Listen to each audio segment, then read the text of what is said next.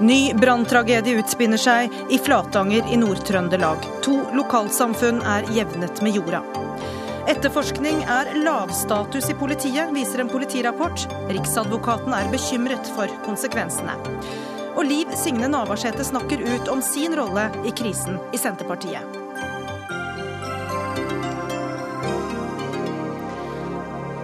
Vel møtt til eh, Dagsnytt 18 denne tirsdagen, der vi også skal innom Høyres forslag om å senke kravene til boliger man leier ut til studenter.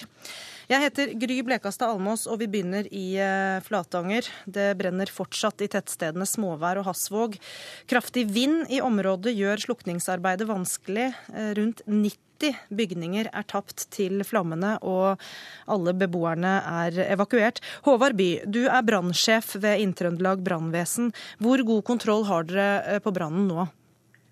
Eh, ja, De siste rapportene jeg fikk for ca. 30 minutter siden, så, så brenner det fortsatt. og eh, Det har vel blitt slik at vinden har økt noe i styrke og de, i den siste perioden. så så det, det, brenner fortsatt, og det jobbes intenst med, med slukking. Er det fortsatt fare for bygninger?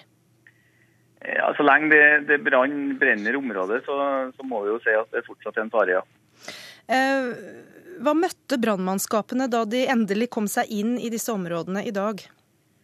Ja, De rapportene jeg fikk fra mannskapene mine, så var det veldig tøffe arbeidsforhold. Det var mye branner, mye røyk. Ja, det er jo vind, vindforholdene, så det er de måtte jo gå mer etter brannen eh, og komme inn i området. og Det var, det var jo nedbrente hus. og eh, Heldigvis en del hus som òg hadde eh, berga, da. Eller ikke hadde brunnet ned ennå, i hvert fall. Så, så det, var, det var trist syn, forstår jeg, på det mine mannskap. Det rapporteres at to lokalsamfunn da er helt nedbrent? Ja, vi, det, er, det er store, store, omfattende skader, ja. Eh, det har vært problemer med telefonlinjene. Eh, hvordan har det vanskeliggjort slukningsarbeidet? Ja, For min del, da, som vi har mannskap som bistår eh, Flatanger her i vi har jo litt kontakt med mannskapene utpå der, der det er telefondekning, men vi har veldig lite kontakt med, med KO og på situasjonsoversikt. Da. Så De rapportene jeg har fått, det har jeg fått fra mannskapene som har vært ute i terrenget. Ja, og, og de, har, de, har, de, rapportert om at det har vært uh, vanskelig for dem å ikke få, få kontakter? Nei, så Internt utpå der så har jeg forstått at kontakten er ganske god. Men eh, det er mer eh, vi som sitter i omverdenen og vil ha informasjon, som eh, har, har hatt litt problemer. Ja. Vi har med oss avdelingsleder Hans Christian Madsen i Direktoratet for samfunnssikkerhet og beredskap her i studio. Hvor holdbart er det med et så ustabilt mobilnett i en sånn krisesituasjon? Eh, mobilnettet er ikke et krisekommunikasjonsnettsamband. Det tror jeg er veldig viktig at vi får sagt fra med en gang. Dette handler om andre ting, om å ha flere ben å stå på. Men eh, vi har jo hørt rapporter om at det har vært problematisk eh, for folk. Men, men det kanskje er mer ubehagelig art, mener du? Nei, altså I utgangspunktet så kan vi ikke bygge vår uh, krisekommunikasjon, vår nødkommunikasjon mellom nødetatene på utelukkende på mobiltelefoni. Dette har vi god erfaring eh, for uh, ikke holder. Derfor bygger vi jo også nå nødnettet. og det er viktig for brann- og redningsvesenet som, kommunalt, som en kommunal etat som skal jobbe med disse sakene, med disse hendelsene ute i distriktene. Mm. Vi kan ta nødnettet etter hvert. Bare, hvor god oversikt har dere over situasjonen i Flatanger nå? Ja, vi har ikke eh, en veldig sånn presis oversikt. Jeg kan ikke si hvor, eh, hvordan eh, dette ser ut nå. Jeg snakket med piloten på skogbrannhelikopteret for kort tid siden. Han er tilbake igjen på Værnes i, nå i natt og er klar til å, å bistå igjen i morgen. Men det er store, dette er en voldsom brann. altså. Ja, Det har vært vanskelig også for disse helikoptrene pga. den sterke vinden? Ja, altså Man har ikke kunnet fly slukking med skogbrannhelikopter. Eh, og det er ikke veldig ofte at vi opplever Og så må jeg få si det at eh, det er ikke veldig ofte at vi har skogbrannfare på den måten vi har nå eh, i januar måned. Nei, det er jo en ting i seg sjøl, hvor vi i enkelte deler av landet snør ned. Eh, mens det altså er så tørt og helt uten snø at en sånn brann kan virkelig få, få feste seg. Hvor godt skodd er vi for en sånn situasjon? Vi er eh, normalt sett ganske godt skodd. Vi vi har god beredskap, eh, nært knytta til befolkningen. 620 brannstasjoner. Det betyr at de er lokalisert der folk bor. Nærhet til befolkningen, nærhet til risikoen eh, og til kommunen. Eh, men det vi må eh, jobbe mer med, det er eh, det overordnede, det er det strategiske. Det er å se ting på tvers, på tvers av kommunegrensene. Mm.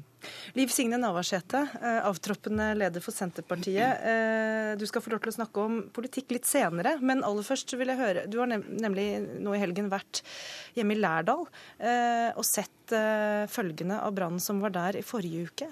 Hvordan eh, opplevde du det synet som møtte deg? Nei, det hva skal jeg si, det, det å komme hjem og se liksom bygda forandra. Hele bygdebildet i sentrum, i den delen av sentrum, er jo helt endra. Eh, det er jo en ruin, eh, og det er klart det gjør enormt inntrykk. Eh, og man vet at her bodde det familier, unger, voksne, og eldre, som, som levde sine liv, og som har mistet alt de hadde. Så må en for det første være glad for at ingen, ingen mister liv og helse. Men, men, det er klart det er mange som er råka av dette. Og det viser òg noe om de voldsomme krefter når det ser vi i dag i Trøndelag. Det er enorme krefter eh, som eh, Og jeg beundrer veldig brannmannskapet, eh, hjelpemannskapet både i brann, politi, helse, altså hele, hele og alle frivillige som stilte opp og gjorde en kjempejobb. Og det gjør de i dag. De som kjemper mot flammene i dag, gjør en fantastisk jobb. Og det er viktig at vi faktisk ser på dette. Hva er det som fungerer når, når krisa er ute? Hva som er viktig? Eh, det tok fem minutter eh, fra alarmen gikk, eh, eller seks minutter fra første alarmen gikk, men fem minutter fra alarmen gikk i Lærdal til brannmannskapet var på plass. Tid betyr noe. Hvis vi går tilbake til en annen og atskillig større tragedie som var på, på 22. juli, så brukte en tid på å sette stab. Da har en overordna planer og mapper, men det er, ikke, det er, jo ikke slik at om du har disse store overordna planene, at dermed eh, tjenesten blir bedre. Det kommer veldig an på, som Gjørv-kommisjonen sa i ettertid, at enkeltmennesker kan faktisk gjøre en stor forskjell. Og det handler om hvordan en greier å samhandle når, når ulykka er ute. Og i vårt langstrakte land så betyr avstand. Derfor er det så viktig at DSB, eh, vi som politikere og andre nå ser på erfaringene med de store hendelsene vi nå har hatt, og ser at eh, det lokale samarbeidet på tvers Eh, og at tilstedeværelsen lokal beredskap er veldig avgjørende for å lukkes. Det skal eh, din sidemann i studio her, Hans Christian Madsen, få svare på straks. Men før det så skal vi ta inn justisminister Anders Anundsen, fordi at du er i Flatanger nå og har møtt evakuerte. Hva sier de for noe? Ja, Det gir eh, først og fremst et veldig sterkt inntrykk. Mange av de vet ikke om husene deres eh, står ennå, eller om de er borte. Noen visste at eh, alt de eide var tatt i en stor katastrofal brann. Og Det gir et veldig sterkt inntrykk å høre på de fortellingene. Samtidig, så til tross for at dette er et tragisk bakteppe, så har jeg også fått en god redegjørelse fra ordføreren og, og kriseteamet her, som forteller at det faktisk har um, den innsatsen som har vært gjort her ute, har bidratt til at uh, katastrofen ikke ble enda større. Hva kan du si til disse evakuerte som da står midt oppi tragedien? Først og fremst så er det viktig å uttrykke stor medfølelse, og sånn at de også vet at de har både kommunen og hele storsamfunnet i ryggen i uh, fremtiden. Det er fortsatt en uavklart situasjon uh, her. Det er fryktelig krevende vindforhold. og det er eh, langt, på langt nær sikkert at eh, en har eh, denne situasjonen under kontroll. Og Det som er viktig, er å gi håp og vite, sånn at de vet at når denne tunge tiden har vart en stund, så skal man gå videre, og da skal de ha oss alle i ryggen. Hvilket inntrykk har du av ressurssituasjonen til brannvesen og politi? Har de hatt det de har trengt for å håndtere denne situasjonen? Ja, Det er jo en av de tingene som det har vært viktig for meg å forsikre meg om. og Fra kommunens side så sier de at de har fått den hjelp og den eh, ressursen som de har bedt om og som de har trengt, og at det i utgangspunktet ikke har stått på ressurser. Det som har gjort dette ekstra krevende, er jo at eh, en ikke har kunnet bruke helikoptrene i eh, slukningsarbeidet pga. ganske ekstreme værforhold. Og Det gjør det veldig mye vanskeligere. Men vi ser et lokalsamfunn med nabokommuner og andre som stiller tidlig og raskt opp med forsterkninger Sivilforsvaret er raskt på stedet. Nå er Heimevernet på plass. Og Det er helt uh, åpenbart at det samarbeidet som mange har forberedt seg på å ha for å sikre en best mulig beredskap lokalt, er veldig viktig i sånne situasjoner som dette. Samtidig som det er mange som rett og slett står i ansvar, tar ansvar, hjelper naboer, stiller opp med alt de har. Og det har vært veldig viktig. Og Vær og vind er kanskje noe vi fortsatt ikke kan styre eh, politisk. Eh, eh, Hans Christian Madsen i Direktoratet for samfunnssikkerhet og beredskap. Nødnett var du inne på i stad. kort tid, avstander er jo der viktig. Jeg vet at dere har et forslag innom å redusere antallet nødsentraler. Er det klokt? Det syns jeg ikke jeg skal gå inn på nå. Vi har uh, lagt fram et forslag uh, til, uh, til, dette. Det ligger til behandling i Justisdepartementet. Jeg vil ikke gå inn på det nå. Men hvorfor har dere foreslått det? Ja, det var for å sikre en gevinstrealisering, et robuste fagmiljøer i forhold til bl.a. innføringen av nødnett. Og vi er nødt til å se mot kunnskapsbasert, kunnskapsdrevet brann- og redningsvesen for framtida. Det har vi også gjort i det som kalles Brannstudien, som ble lagt fram som rapport for Justisdepartementet nå i begynnelsen av desember. Den er på høring. Den blir viktig. Eh, og der håper jeg kommunene leverer sine høringsuttalelser og er med på dette her. Det er et bredt anlagt rapport med en samstemt arbeidsgruppe hvor også KS og organisasjonene er med. Men Hva tenker du om det, Liv Signe Navarsete, på bakgrunn av brannen i Lærdal og også det som skjer i Flatanger i dag? Det blir jo rørt når jeg hører beskrivelsen av hvordan en stiller opp eh, på Flatanger i dag. Og det er akkurat det samme som skjedde i Lærdal. Eh, en fikk kjapt på plass eh, folk fra nabokommunene. En stilte opp på tvers, og, og kryss og tvers på alle tenkelige og utenkelige måter. Og, og, det er jo den, hva skal jeg si, den mobiliseringen i lokalsamfunn som er så utrolig viktig når en skal evne å, å takle slike situasjoner. Både i, i, dag når det skjer i Flatanger, men ikke minst for tiden framover. Og, og når, eh, når, svaret fra eh, myndighetene på mange utfordringer stadig blir sentralisering til såkalte robuste eininger, ja, hva er nå robust? Hva er robust på Flatanger i dag? Det som er robust på Flatanger i dag, det er at en får den lokale beredskapen til å virke. Vi ser jo det. At å belage seg på, redne, på helikopter som skal komme, det virker plutselig ikke. Det som virker, det er lokalt brannvesen, politi, at en har helse tilgjengelig. Det er Sivilforsvaret, det er Heimevernet og det frivillige som sammen står på og gjør en fantastisk jobb. Det er det som er robust når ulykka er ute. Ikke å sitte langt vekke og, og skal sette stab mens ulykka herjer. Altså, en må faktisk ta på seg støvlene og ut og se hva som fungerer. Eh, og sentralisering er definitivt ikke svaret. Men jeg òg mener vi skal bruke ny teknologi og kanskje samordne noe bedre over kommunegrenser. Klar utfordring til deg der, Madsen. Til slutt, en kommentar til det? Nei, Vi har lagt frem en rapport. Eh, der har vi et eh, forslag på hvordan dette kan eh, håndteres. og Den heter Brannstudien. Den er på høring. Min oppfordring er at kommunene tar dette på alvor, og at de nå leverer sine høringssvar og spiller inn på dette. Da sier vi tvi-tvi til alle i Flatanger i kveld, og sier takk til Hans Christian Madsen i Direktoratet for samfunnssikkerhet og beredskap. Takk til Anders Anundsen justisminister. Og også til Liv Signe Navarsete, du blir med oss videre for å gi oss litt innblikk i den prosessen Senterpartiet er midt oppi nå. Men eh, vi skal videre først. Hør Dagsnytt 18 når du vil, på nettradio eller som podkast. nrk.no – dagsnytt 18.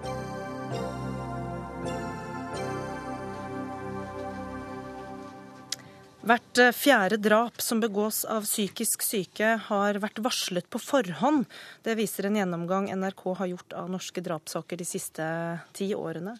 Pål Grøndal, eh, psykologspesialist og rettspsykolog. Du foreslår nå en havarikommisjon for slike drap. Hva ligger i det?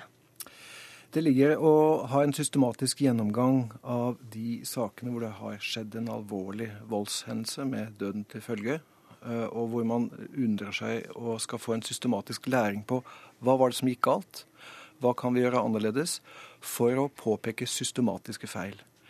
De usystematiske, litt tilfeldige forholdene de kan vi aldri, aldri beskytte oss mot. Men vi kan gjøre noe med systematikken. Og det er ikke for å henge ut noen verken i psykisk helsevern eller i politiet eller påpeke direkte menneskelige feil, for det, det kan vi ikke beskytte oss mot. Men et slikt forslag baserer seg da på en hypotese om at det foreligger systematiske feil når slike ting skjer? Ja, øh, og da tenker jeg at det er jo ikke helt sikkert at det nødvendigvis gjør det, men derfor så tenker jeg hvorfor ikke ta et pilotprosjekt? Men vi vet jo at det er en del komponenter som, som samvarierer når det gjelder f.eks. drap. Og Det har vi snakket om flere ganger, det har også helseministeren snakket om, nemlig psykisk lidelse, alkohol og tidligere vold. Og da tenker jeg, i en del av disse tilfellene så har det vært varslet. I en del tilfeller så var voldshistorien kjent. Folk har sagt ifra. Hva var det som gjorde at man ikke grep inn? Bent Høie, helseminister. Hva er det som gjør at man ikke griper inn? Ja, det tror jeg det er mange forklaringer på. Eh, men eh, først og fremst så mener jo jeg at det handler jo om at vi ikke har gode nok tjenester i dag. Eh, verken når det gjelder psykisk helse eller rus, som da ofte er to faktorer som er sentrale i denne sammenhengen. Så først og fremst handler det om å bygge opp bedre tjenester. Men så er jeg òg helt enig i at ofte så handler det òg om eller I noen tilfeller vil det sannsynligvis òg handle om at tilbudene ikke er godt nok koordinert. og Det var jo òg et av funnene til Olsen-utvalget, som jo det forrige utvalget som har hatt, som jobbet systematisk eh, gjennom dette. De vurderte jo òg dette forslaget om en havarikommisjon etter modell for det en har i Storbritannia. Da sa de, konkluderte de med at det hadde ikke den store effekten i forhold til det som det krevde. Det som vi har satt i gang som ny regjering, det er jo å se på helsetjenesten denne, som en del av dette. Og Der har jeg bedt Syse-utvalget, som eh, jobber med, jobber med, denne type spørsmål, om å utrede og foreslå et grunnlag for å etablere en, det som jeg kaller for en undersøkelseskommisjon. Eh, for det er et bedre ord enn havari. Så du vil bruke litt tid nå på å utrede ja, altså, dette? Vi har gitt det i, som et konkret oppdrag at uh, Syse-utvalget skal uh, komme tilbake igjen med et. Eh, opplegg for en undersøkelseskommisjon der svikt i helsetjenesten har ført til denne type eh, alvorlige utfall. Du får også et forslag om å bare iverksette et pilotprosjekt. Er det noe å vurdere? Jeg tror at, jeg er jo enig i at vi ikke alltid skal gå liksom veien om nye, store utredninger. Men akkurat i denne sammenheng så er det tror jeg, lurt å nå, når jeg har gitt det oppdraget til et utvalg, å få deres utvalg. For det skal ikke bare utrede om vi skal ha det, de skal faktisk forekomme med forslag hvordan dette kan organiseres. Men hvorfor må det, det ta halvannet år, et sånt utvalgsarbeid? Jo, for det, dette innebærer ganske eh, kompliserte juridiske eh, avklaringer. Så er det lurt å gjøre det arbeidet grundig, sånn at det faktisk eh, fungerer. For vi har jo i regjeringsplattformen at vi ønsker å etablere en sånn undersøkelseskommisjon eh, for helsetjenesten. Mm. Jeg skjønner at det er en del juridiske spørsmål. Det er det alltid kompliserte spørsmål. Det er derfor vi har jurister. Men samtidig så tenker jeg at det skulle ikke være så veldig mye veien for å nedsette en liten ekspertgruppe som får et mandat til å gjøre undersøkende og veiledende oppsøkende virksomhet for å se om det er noe å hente på en sånn kommisjon. Jeg tenker at det mange regjeringer gjør, og i beste mening, det er nettopp å nedsette utvalg. Problemet med disse utvalgene det er at de tar så himla lang tid. Og så lurer vi på, vi som da har vært med i disse utvalgene Nå har ikke jeg vært med i noen enda, det kommer nok. Men hvor gjør dere av disse rapportene? Og Det har jeg snakket med tidligere helseministre også. Hvor gjør dere av disse rapportene? Fordi de som har sittet i utvalg, de er selv frustrert over at de har sittet der og gjort masse fine greier. Og så skjer det veldig lite. For det skjer en enorm barbering fra de forslagene til det politisk vedtas. Og det vet du også. Nei, altså Der syns jeg du har et veldig godt uh, poeng. og Jeg har faktisk allerede før denne saken dukket opp i NRK, hatt et møte med justisministeren. fordi på dette området, der som vi beveger oss i grenseland mellom helse og justis, som vi nå i en del av disse sakene gjør, så er det nesten ikke grenser for hvor mange utvalg som har vært nedsatt. Nesten hver gang eh, det har vært en sånn sak i media, så har det blitt satt ned et utvalg. Og det Prøve å grave fram alle disse ja, rapportene? Og det er nettopp det vi har satt i gang. Da. et utvalg for å vurdere utvalgene? Utvalg, nei, nå skal vi ikke gå veien om utvalg. Justisministeren og jeg er enige om at vi skal nå få hvert våre departementer til å ta opp igjen alt det arbeidet som er gjort på dette området og se på disse forslagene. For det er ganske Men da er det vel på tide med handling? Hvis det ja, nå er gjort så utrolig mye utvalgelse? Det er akkurat det som er poenget. at Vi må få opp disse forslagene som ikke er blitt gjennomført, som er anbefalt, og rett og slett trekke noen konklusjoner. Det er, kommer ikke til å bli en enkel jobb. For det som også Grandal sikkert er veldig oppmerksom på, at dette er områder der det vil være interessekonflikter, der det er veldig sterke meninger. Absolutt. Men det er verre nå, syns jeg, på dette området å bare la det rulle og gå. Heller, jeg tror det er på tide at vi nå begynner å trekke noen konklusjoner. For dette er veldig alvorlige ting. Og Pål Grøndal, du sitter nå egentlig i et nettmøte på nrk.no eh, Mm. og har fått mange spørsmål fra folk som eh, er blitt sjokkert over de opplysningene eh, vi har kommet med i NRK de siste dagene, og som også kjenner dette på kroppen til dels. Hva er det de lurer på? Jeg vil ikke beskrive det som at de er sjokkert. Jeg vil heller beskrive stemningen som at de er engstelige. Det er noen som er veldig engstelige for uh, å gi veldig uttrykk for vi har en person rundt oss som både ruser seg og er voldelig, men hvor skal vi få hjelp fra? Havne mellom alle stoler. Rettsvesenet og psykisk helsevern blir ikke noe, noe sted. Det er ikke noe tilbud. Så er det de som selv sier at 'jeg har så og så psykisk lidelse'. Er jeg til fare for andre? Så De sitter der engstelig selv, de. Og da tenker jeg at eh, ja, det er flott da at NRK i seg drar opp dette her, for da får vi kanskje ryddet noen få myter unna veien. For er det et sted hvor det er mange myter, mye uro, så er det nettopp i psykisk helsevern. Men da eh, har jeg lyst til å utfordre sjefen for helsevesenet her eh, på helt sånn konkrete ting. Hva skal man gjøre? Jeg vet du har sagt at det skal gjøres i kommunene, det skal være eh, forebyggende arbeid, og det skal være etter institusjonsopphold, så skal man også eh, sette inn mer skyts i kommunene. Helt konkret, hva skal en kommune gjøre for disse menneskene?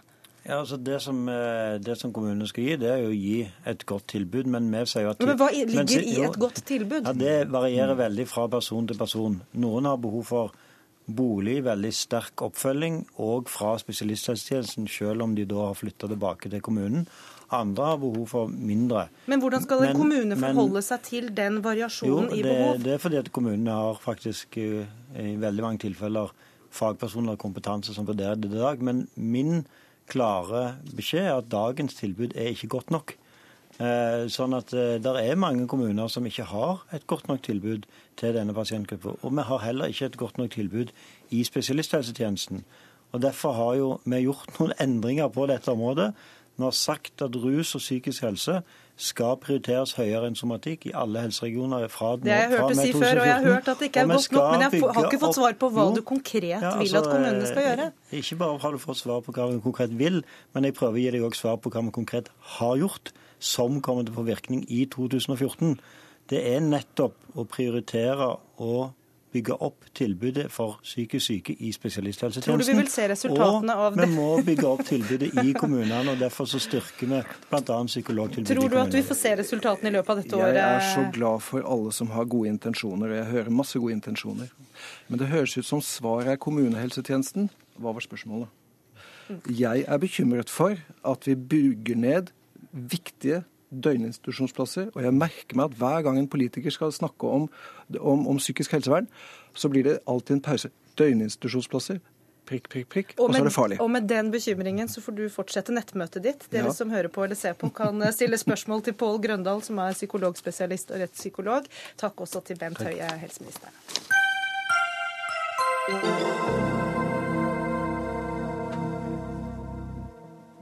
Det må være en målsetting å, røyke ut eh, den eller de som står bak det. Eh, det er veldig få som hadde tilgang til eh, de, den informasjonen, så det burde ikke være ei helt uoverkommelig oppgave å finne ut av. Dette sa du rett før jul, Liv Signe Navarsete. Og senere har du sagt at du angret på den uttalelsen. Hvorfor det? Eh, fordi at eh, den tydeligvis vekte veldig sterke reaksjoner i, eh, i partiet. For meg var det ganske innlysende at det var et lederansvar å faktisk finne ut av hvem som hadde lekka. Har du funnet ut det? Jeg, har ikke, jeg sa jo òg veldig tydelig samtidig at vi har ingen maktmiddel. Vi er ikke, vi er ikke noe detektivbyrå, vi er ikke noe politi. Vi har ingen maktmiddel til å finne det ut. Eh, Men eh, det er klart at hvis en hadde lagt tilstrekkelig press på, så kunne en kanskje gjort det. Men hvis det var et veldig viktig lederansvar å finne ut av det, og du ikke har funnet ut av det, så har du feilet der da? Partiet mente ikke at det var et viktig spørsmål å finne ut av. Uh, Iallfall det var det reaksjonene som kom etterpå.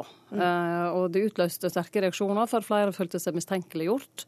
Eh, det var ikke min hensikt, men eh, når det er begrensa antall mennesker som sitter med informasjon, så ble jeg veldig forundra over reaksjonen i partiet. Det er Så ærlig skal jeg være. Jeg hadde faktisk trodd at dette var noe en ville rydde opp i, for kanskje unngå at det skjedde seinere. For det er ikke noe bra for et parti hvis en, har, hvis en har en tendens til at det som skal være i lukka fora, ikke er det, så har det noe med tryggheten folk har til å uttale seg eh, om det de egentlig mener. Det var jo ikke den eneste saken du ikke har fått full støtte i partiet for. Eh, bare minne da eh, om at det var en uttalelse som falt i Politisk kvarter etter at den såkalte havarikommisjonen hadde sett på hva som gikk galt i forbindelse med valget, og at den altså lekket ut i media.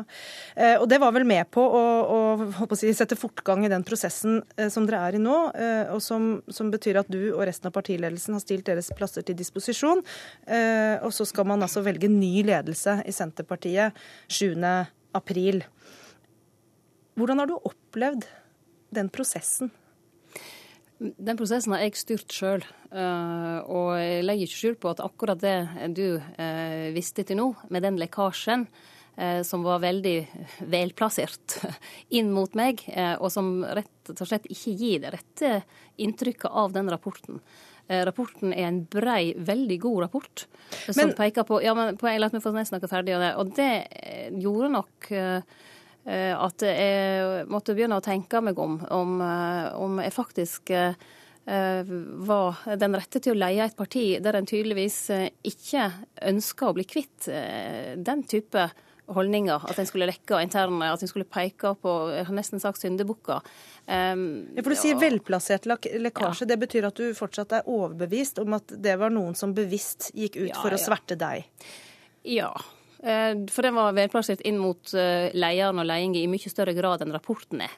Rapporten er brei. Han peker på eh, tiltak på lokallagsnivå, på fylkesnivå på leding og på uroa som har vært i ledelsen i flertall. Eh, ikke bare på leieren, men på leiinga.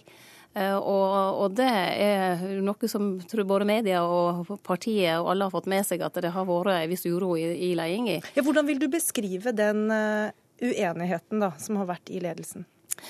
Eh, jeg har av og til sagt at den har vært litt uh, mer uh, fokusert i, utad enn kanskje den har vært innad. For Men du innrømmer faktisk, jo nå at har, det har vært ja, uro? Ja, det har vært usemje om saker. og jeg syns det som har vært kanskje problematisk, er at det har blitt framstilt som personlige motsetninger. Det handler om at vi har vært usamd om politikk. Og hvis det er noe jeg har forventninger til partiet om nå, så er det at vi evner å diskutere politikken. At vi legger vekk personene og diskuterer politikken framover. Og jeg mener at det jeg gjorde, og som jeg gjorde helt på egen hånd, bestemte at jeg ville be partiet om uh, å velge en ny leding, handler om akkurat det. Få vekk personfokuset som har vært nå. Uh, og få fram det politiske. For nå har Senterpartiet det er mer behov for dette partiet enn noen gang, med ei blå-blå regjering som står for en helt annen retning i politikken. Men dere har vært uenige om politiske saker i, i ledelsen. Innebærer det at man ikke har en klar politisk retning da, i Senterpartiet? Vi har en et klart politisk program, og jeg vil påstå at vi har en klar politisk retning. Men hvordan kan man da få en sånn splittelse, en ødeleggende splittelse, i selve partiledelsen? Ja, det, det, kan vi jo si er et, eh, et, spørsmål for våre statsvitere og, og, partifolk, tror jeg. Jo, men Du sitter midt i det, du har sikkert din forklaring på det? Det er ikke alltid at den som sitter midt i det, er den beste til å gi forklaringen, for å si det sånn. Uh, men, uh, men det handler nok Men mangler partiet en ideolog? En, en, en skikkelig, eller en sånn ja, ideologisk lederskikkelse som kan vise vei og gi trygghet på at det er den rette vei?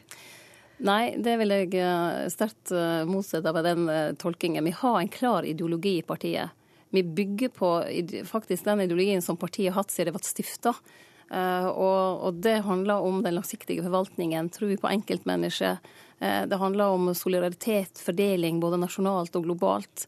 Eh, det handler om et, et parti som, eh, som, ser at eh, vi skal se generasjonsperspektivet og ikke den kortsiktige materielle gevinsten. Derfor er ikke vi eh, kjøp- og selgepartiet. Vi er faktisk et parti for andre verdier. Men når du sier at den ideologien er så klar, samtidig som du beskriver denne uenigheten i ledelsen, eh, så, så, så ender man jo litt tilbake til personstrid. Og da lurer jeg litt på hvordan du vil beskrive eh, det forholdet som har vært mellom deg og nestleder Ola Borten Moe.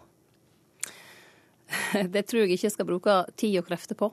Eh, det jeg er opptatt nå, eh, av det er at eh, vi har en prosess Jeg er veldig interessert i å høre ja, det. Du har tid til det. du har får tid her nå. Det tviler jeg ikke på.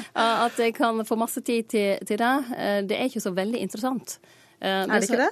Nei. Det som er interessant, er at partiet den 7. april skal velge en ny leding. Og han har sagt at han gjerne vil gjenvelges, selv om han nå har eh, satt, stilt sin plass til disposisjon, eh, i ledelsen på en eller annen måte. Mm. Hvordan stiller du deg til det?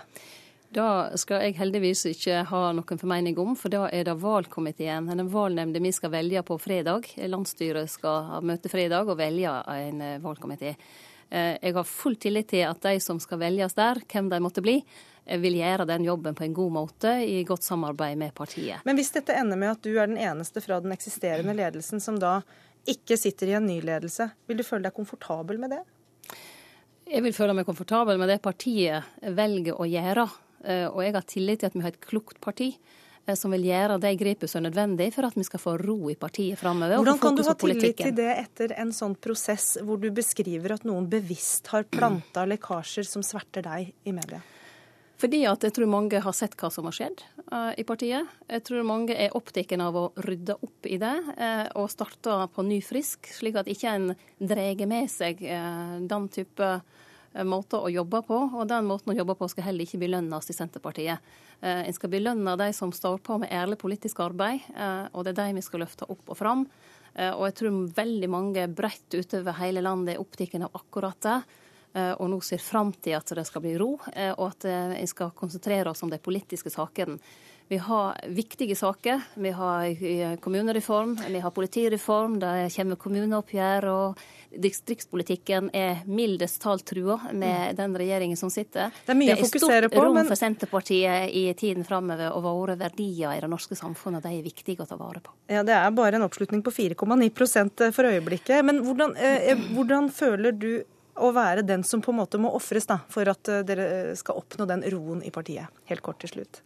Ja, nå, jeg føler ikke at jeg er ofra. Jeg har fått være med på ei fantastisk reise eh, siden jeg kom inn som nestleder for Odd Roger Enoksen.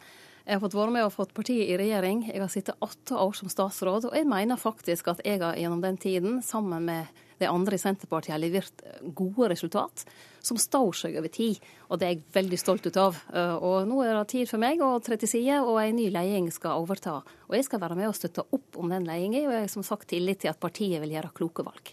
Takk skal du ha, Liv Signe Navarsete. Eh, vi skal få inn eh, politisk kommentator her i NRK, Lars Nehru Sand.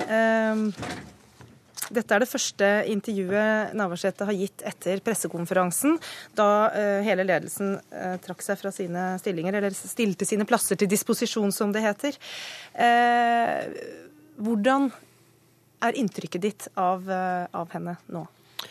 Hun prøver å legge dette bak seg, ha litt mer senka skuldre enn, enn da dette sto på. Men vi, vi, hører jo i innledningen av intervjuet at hun selv gnager litt rundt de to eh, planta lekkasjene som, som, hun mener har vært svært bevisste. Både denne hendelsen på Dyrøy-seminaret hvor Sandra Borch eh, skrev et brev, og også da underlaget til eh, rapporten. Fordi det som lagte VG før eh, før denne pressekonferansen var jo mye mer enn bare rapporten, men også underlagsmaterialet derfra. Eh, men har hun ikke da et poeng i at eh, det vil være klokt av Senterpartiet å få klarhet i hvem det er som står bak slike lekkasjer, for at det skal kunne bli ro i partiet? Det er ikke hennes jobb å tenke noe rundt det, verken nå fordi hun ikke er leder etter 7. april, men også fordi at hun, som hun selv i og for seg sier, så, så har hun ikke noen maktmidler eller noen muligheter for å gjøre det på. og Det var jo derfor også det skapte så store overskrifter da hun gikk ut, som vi hørte i Politisk kvarter før jul. Hva øh, vil bli på en måte veien videre for Senterpartiet nå, eh, når man da etter hvert får en avklaring på en ny ledelse i partiet? Ja, Det er jo det spennende hvem som blir sittende i den eh, ledelsen. Ikke minst hva Marit Arnstad svarer når, får vi tro valgkomiteen spør. Hun har eh, blitt utsatt for et stort press fra mange i Senterpartiet om å si ja til å bli partileder. Vi vet fortsatt ikke hva hun vil si. Men det settes ned en valgkomité denne uken her, på fredag. Og den komiteen vil da jobbe frem mot landsmøtet landsmøte, og så skal det velges en eh, ny partiledelse som får mange spennende politiske prosjekter å se på, som vi hørte Navarsete også si. Vi ser fram mot 7. april. Takk skal du ha, Lars Nehru Sand.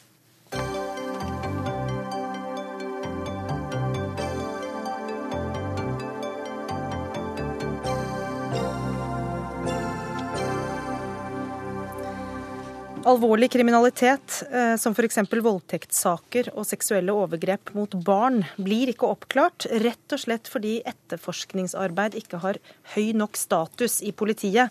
Det viser en ny rapport. Den viser også at politifolk heller vil utføre operativ uniformert polititjeneste enn å jobbe som eh, etterforskere. Og Reidar Brusgaard, eh, statsadvokat hos Riksadvokaten, hvordan ser du på det som kommer fram i denne rapporten? Vel, eh, Jeg tror det er viktig å se på denne rapporten eh, i sammenheng med en rapport som kom om avhør, eh, en, en mengde inspeksjonsrapporter fra statsadvokatene og ikke minst Riksadvokatens egne vurderinger over tid. Og Det peker på en ganske Eller det gir i hvert fall et relativt entydig bilde, og et litt dystert bilde. Ja, Hva er dystert, holdt jeg på å si?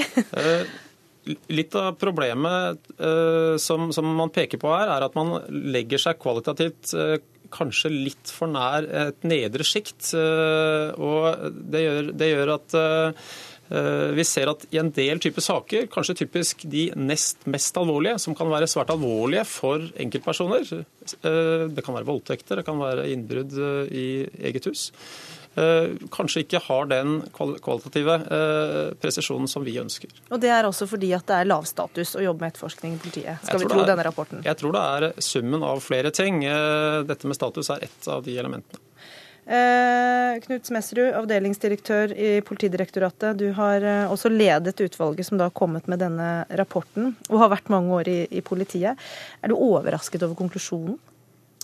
Nei, det der kommer ikke som noe, noe, sjokk på oss. Men jeg har nok lyst til å si at jeg syns at du trekker konklusjonene litt langt. Ja, det er ikke jeg som trekker konklusjonene så langt. Det står jo i rapporten de tingene jeg refererer ikke, ikke, til her. Ikke, men det står selvfølgelig mer der. Ikke, fullt så direkte som, som, du sier det. Og jeg har også lyst til å presisere at vi bør ikke starte med en elendighetsbeskrivelse av etterforskningen i politiet nå.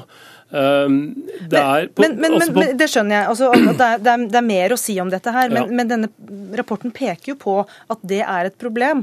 At man heller vil eh, ut i uniform enn å, å sitte og etterforske at det har en lav status, og at det da får følger.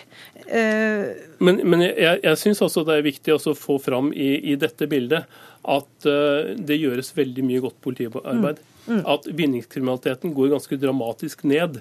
Eh, at eh, man har mange mye bedre metoder nå enn man hadde for noen få år tilbake. Men, men, men, står du ikke inne for dette som står i rapporten? Jeg blir jo, litt sånn usikker jo, det, på ja. det, det, det, gjør jeg. Ja.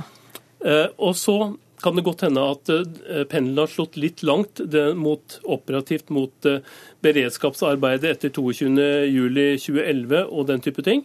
Og at vi er nødt til å gjøre noen tiltak for at pendelen skal slå litt den andre veien igjen. Ja. Det er jeg med på. Sånn at Vi er nødt til å gjøre noen tiltak for å heve statusen blant etterforskere. For å få kanskje bedre kompetanse, eh, litt mindre gjennomtrekk. En, en hel del sånne tiltak som vi for så vidt har på trappene. Hvordan gjør man det? Hvilke tiltak skal til for at man får hevet statusen og får flere til å ville jobbe med etterforskning? Vi jobber med veldig mange ting eh, når det gjelder å, å bedre etterforskningen. Altså, politianalysen er jo, er jo, ganske kjent. Det er et eh, ganske stort grep som vi ønsker skal eh, medføre en kvalitetshevning også når det gjelder etterforskning. For det første så omfatter det mye mer straksetterforskning.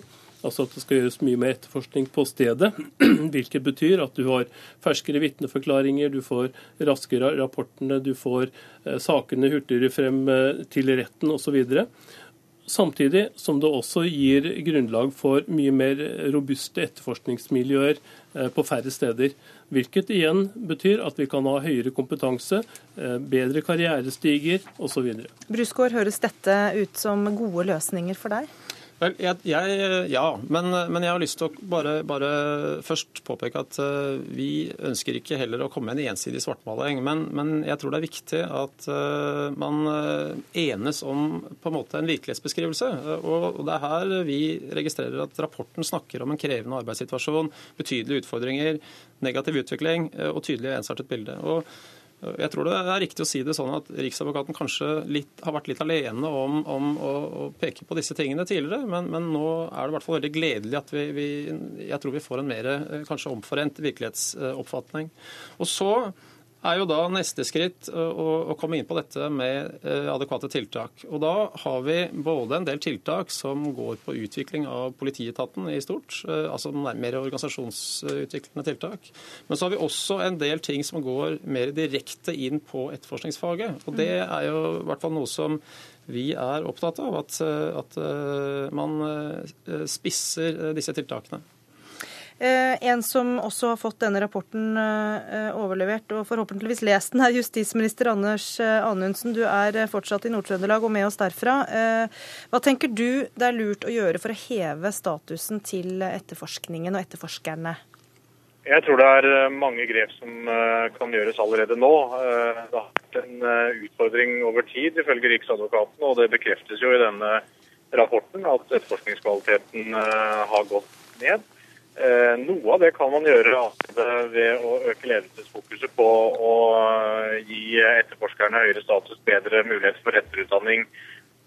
Lage en del av de, adoptere opp en del av de systemene som vi nå har gjort innenfor eh, den operative sida. For det som viser seg å være en utfordring, er jo at etterforskernes status som yrkesgruppe på en måte har fått seg en liten dupp, kan det virke som.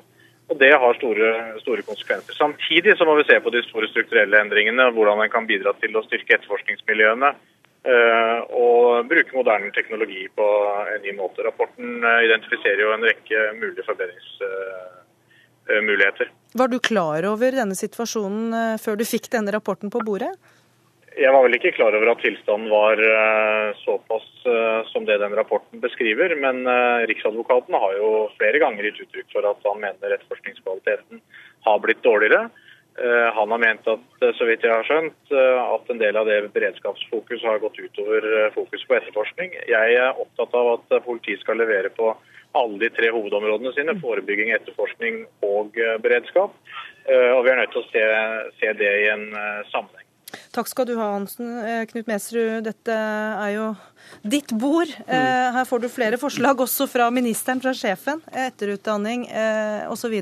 Ja. Eh, vil du gå for dette her nå umiddelbart, eller hva blir prosessen videre for å, å bedre situasjonen? Jeg syns det er veldig hyggelig å høre at justisministeren peker på veldig mange av de samme tiltakene som for så vidt fremgår av rapporten. Dette er én rapport. Brusgaard har vært leder for et utvalg som har laget en annen rapport som eh, ligner mye. Vi har et forskningsarbeid. Men nå, nå har dere gjort rapportene. Hva skjer så? altså, da, da, skal vi se på hvilke tiltak vi skal iverksette. Ja. Vi har et ganske godt grunnlagsmateriale nå for å eh, sette i gang et arbeid og iverksette tiltak. Brusgaard, siste ord blir ditt. Ja, jeg eh, vil peke på fire viktige tiltak. Vi må komme oss ut av en litt negativ sirkel. Det er viktig med politimesternes fokus. Det er det ene. Dette med miljø og betingelser, det er mer enn bare lønn. Det handler også om å få lov å være del av et lag. Det er nummer to så er jeg opptatt av at vi eh, klarer å etablere forpliktende strukturer for kvalitet og læring. Og til slutt så tror jeg det er veldig viktig at vi har et uttalt mål om å gjenskape de gode etterforskningsmiljøene og den faglige lederen, som vi ofte kaller da førstebetjent. Ja eller nei til disse fire tiltakene? Det er alt vi får tid til. Dette er gode tiltak. Takk til Knut Smedsrud, avdelingsdirektør i Politidirektoratet, og Reidar Brusgaard, statsadvokat hos Riksadvokaten.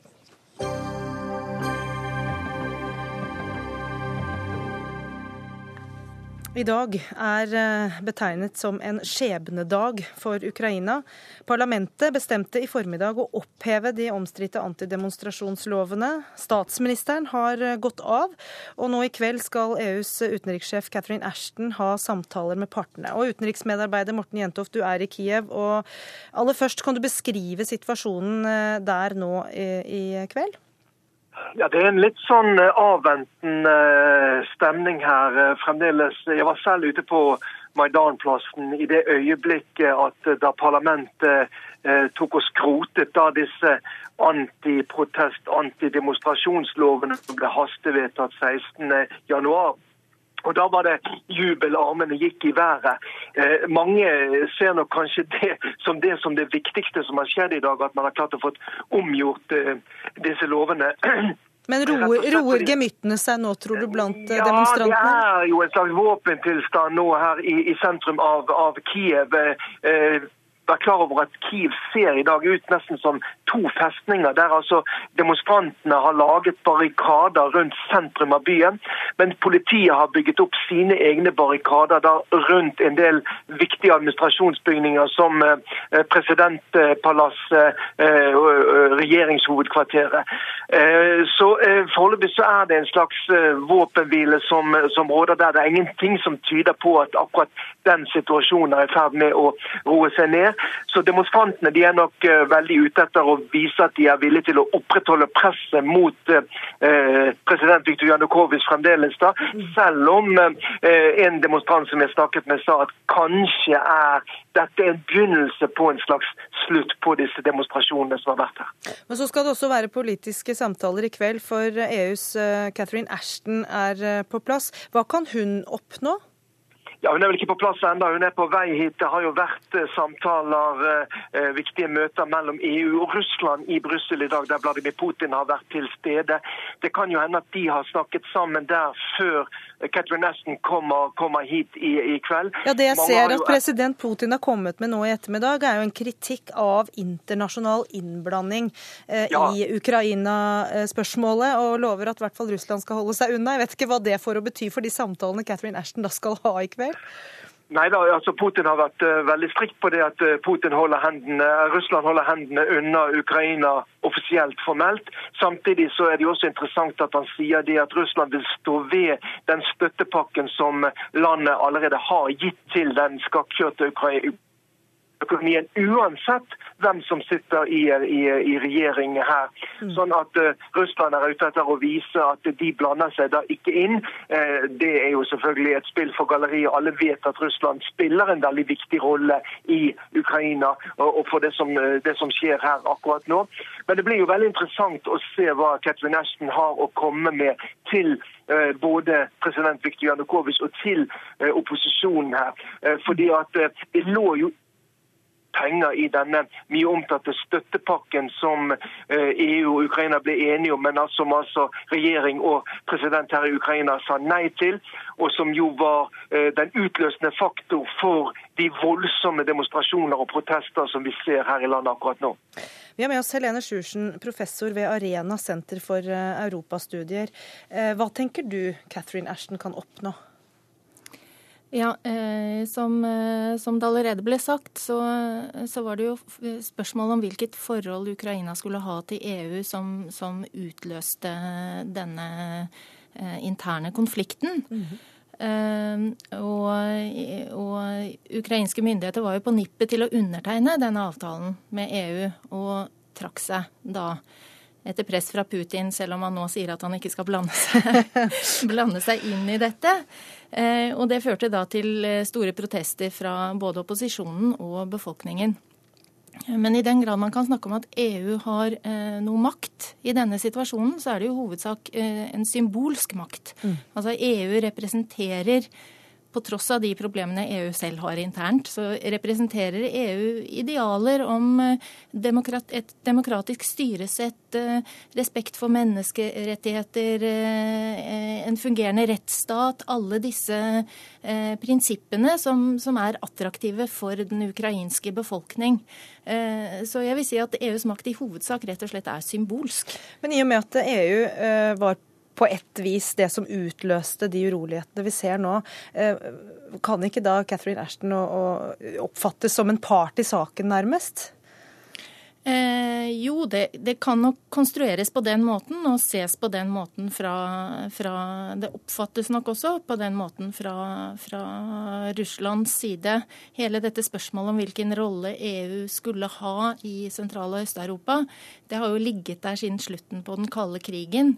Eh, på et tidspunkt så trodde man at EU kanskje våget for mye da de utvidet til de nåværende medlemmene i Sentral- og Øst-Europa og til de baltiske statene. At de hele tiden på en måte pushet grensen for hva som var akseptabelt fra, fra, Putins side. Så det er ett aspekt av dette her. Eh, men samtidig så tror jeg vi må passe oss for å, å, å tenke på dette som et sånn stormaktspill, hvor du har eh, Russland og Putin på den ene siden og EU på den andre siden, som, som liksom eh, Ja forsøker å oppnå dominans over eh, Ukraina. For det er ikke det det handler om? Eh, altså, Delvis så gjør det jo det. Eh, jeg tror man kan tolke russisk utenrikspolitikk på den måten uten at jeg skal utrope meg til ekspert på, på, eh, på det. Eh, men, men, hvis man ser på EU, så, så, er det jo ikke så tydelig hva EU egentlig kan tjene på dette, sånn materielt sett. Man kunne til og med si det sånn at EU utsetter seg selv for Putins misnøye. Mm ved å, eh, ved å kjøre denne saken eh, langt. Men, EU skal også importere gass fra Russland og er avhengig av å ha et noenlunde eh, fungerende forhold til Russland. Men når du da sier at det ikke skal ses på som et stor maktspill, så er det jo nettopp det det kan bli, høres det ut som? da? Eller i hvert fall står i fare for å bli? Vel, EU eh, har jo hele tiden argumentert for at det, det, det fins noen eh, rettslige prosesser. Det fins internasjonale organisasjoner som kan anvendes for å løse konflikter. Eh, Eh, man kan henvende seg til WTO og anvende de, det regelverket som ligger der for internasjonal handel osv. Altså, det fins andre spilleregler i det internasjonale system enn de Russland eh, ønsker mm. eh, å anvende. Ja. Det tyder i hvert fall på at om ikke alt henger sammen med alt, så er det mye som henger sammen med mye. Takk skal du ha, Helene Sjursen, professor ved Arena senter for europastudier, og til Morten Jentoft i Kiev.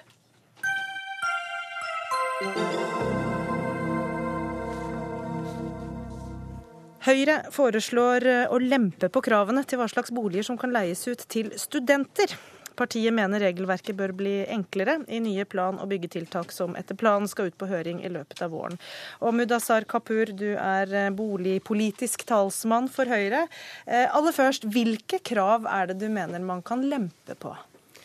Ja, Situasjonen slik den er i dag, eh, bare for å begynne litt der, så ser vi ser jo hver sommer at det er tusenvis av studenter eh, som eh, ikke får seg tak over hodet. Det blir litt madrasser i gymsaler osv. Vi har også mange andre grupper. Eh, nyankomne til landet, arbeidsinnvandrere, pendlere, eh, småbarnsfamilier, nyetablerte som sliter med å komme inn i utleiemarkedet. Så det er ikke de... bare studentene du vil lempe på kravene for? Det er Nei, andre det er ikke sånn at studenter skal kunne tåle det, og så skal de andre Nei, okay. kunne tåle noe annet. Men hvilke gjelder... krav er det vi ja. snakker om da? For det er ikke sikkert alle vet hva slags krav Nei, man faktisk stiller til utleie. Og det er eh, ganske, ganske bra at du spør, fordi noen av de kravene som jeg helst vil se på til å starte med, det er f.eks. krav til utvendig sportsbod på fem kvadratmeter. Det er kravet til at vinduet skal uh, begynne 90 cm over gulvflaten. Hvis det begynner uh, 80 cm, eh, nei, 1 meter over gulvflaten, så er ikke det en gyldig utleieenhet. Hvis eh, taket er under 2,2 i høyde, altså hvis det er 2,18, så er det heller ikke en gyldig enhet. Og så er det også krav til f.eks. lydisolering, uh, sånn at du ikke skal høre for mye vind- og trinnlyder, som, som, det også heter. Så mitt poeng er at det finnes en del eh, regler som eh, går litt over grensen for hva gjelder sunn fornuft, og som jeg kaller da for bekvemmelighetsregler. Men jeg vil også understreke at alt som går på helse og sikkerhet, det skal man ikke rokke ved. Ola Magnussen Rydje, du er leder for Norsk studentorganisasjon, og du syns ikke noe særlig om dette forslaget, du? Altså, jeg er ikke så kritisk til at vi f.eks. ikke trenger eller ikke skal ha sportsbodkrav. Eh, du, du føler ikke at det er helt nødvendig? Nei, Sånne ting syns jeg er helt i orden. Og jeg tror det er, vi har godt av å nyansere debatten en god del. Vi er veldig for at man skal f.eks. Ha en forenkling og en avbyråkratisering av en del søknadsprosesser og alt som går rundt på bygging. Men det er forskjell på å forenkle byråkrati og det å lempe på standard og krav, f.eks.